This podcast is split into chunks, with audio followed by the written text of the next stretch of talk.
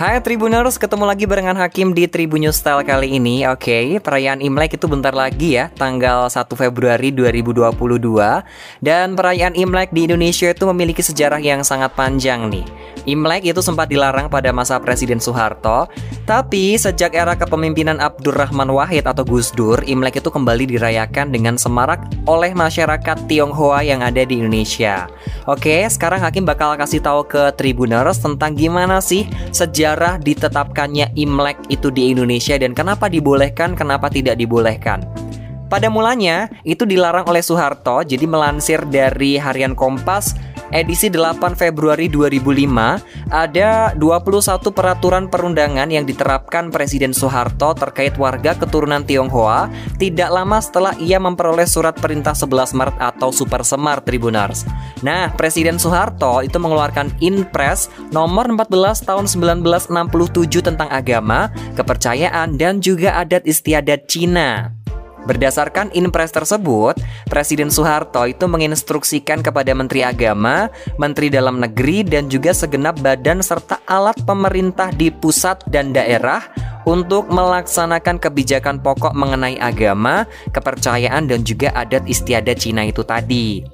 Isi dari Inpres ini, Tribuners, itu di antaranya ada beberapa hal, itu terkait dengan pelaksanaan Imlek, yang harus dilakukan secara internal dalam hubungan keluarga atau perseorangan. Nah, perayaan-perayaan pesta agama dan adat istiadat Cina itu dilakukan secara tidak mencolok alias tidak besar-besar banget di depan umum, tetapi emang dilakukan di lingkungan keluarga saja. Ini larangan dari Presiden Soeharto. Kemudian perayaan Imlek itu juga pernah dirayakan secara sembunyi-sembunyi dan pada saat itulah aktivitas masyarakat Tionghoa yang ada di Indonesia termasuk dalam kepercayaan perayaan maksudnya, termasuk dalam perayaan ya. Tahun baru Imlek menjadi dibatasi banget. Waduh, ini kayaknya dibatasi omongan hakim juga melantur nih ya, tidak terbatas ya. Selama berlakunya instruksi presiden tersebut ya, Tribunars, Imlek itu terlarang dirayakan di depan publik dan seluruh perayaan tradisi dan juga keagamaan etnis Tionghoa, termasuk perayaan tahun baru Imlek, cap gomeh dilarang dirayakan secara terbuka atau terang-terangan. Jadi ya perayaannya tersembunyi gitu atau sembunyi-sembunyi. Barongsai dan juga liang-liong pun juga dilarang dipertunjukkan di hadapan publik itu di masa era Soeharto. Selain itu, huruf-huruf atau lagu Mandarin itu juga tidak boleh diputar di radio-radio yang ada di Indonesia dan dalam 32 tahun pemerintahan Presiden Soeharto, aktivitas perayaan-perayaan Imlek itu tersembunyi tetap berjalan berdasarkan 21 peraturan perundang-undangan yang berlaku saat itu, Tribuners. Itu istilah Tionghoa berganti dengan menjadi kata China dulu ya. Terus kebijakan ini itu disebut sebagai upaya dalam proses asimilasi etnis. Akhirnya itu juga ada pembatasan yang kemudian mulai surut pasca reformasi Tribuners itu Presiden Habibie dalam masa jabatannya yang sangat singkat itu menerbitkan Inpres nomor 26 tahun 1998 yang membatalkan aturan-aturan diskriminatif terhadap komunitas Tionghoa.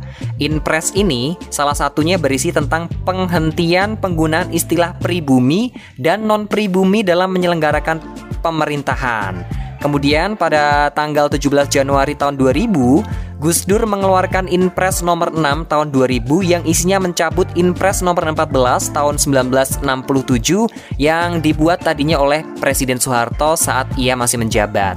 Nah, sejak itu Imlek dapat diperingati dan dirayakan secara bebas oleh warga Tionghoa yang ada di Indonesia.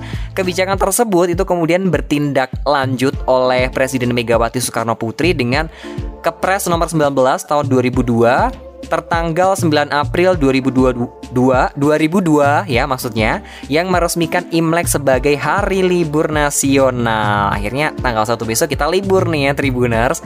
Kemudian pada masa reformasi 17 Januari tahun 2000 Gus Dur mengeluarkan instruksi presiden lagi Inpres nomor 6 tahun 2000 Isi dari Inpres kali ini itu mencabut Inpres nomor 14 tahun 1967 yang dibuat oleh Soeharto tadi tentang kepercayaan dan adat istiadat China. Tadi udah Hakim sebutin juga ya.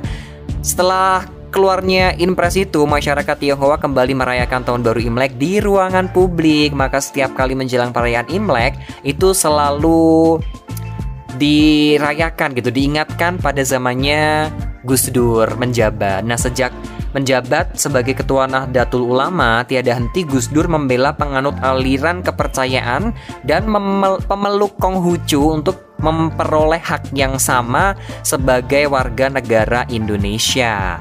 Megawati Soekarno Putri yang tadi Hakim bilang itu adalah tokoh yang membuat Imlek atau tahun baru Imlek itu diliburkan di Indonesia sebagai hari libur nasional itu pertama kali pada tahun 2003 Tribuners. Nah, mungkin itu sejarah kenapa sih tanggal 1 atau tahun baru Imlek itu harus uh, maksudnya um, diliburkan gitu ya sebagai tanggal merah itu kenapa? Alasannya ya ada beberapa tokoh seperti Megawati, Gus Dur Habibie, uh, Presiden Soeharto juga dan itu sejarah-sejarah tentang hari raya Imlek atau tahun baru Imlek dari hari-hari besar umat Tionghoa yang ada di Indonesia.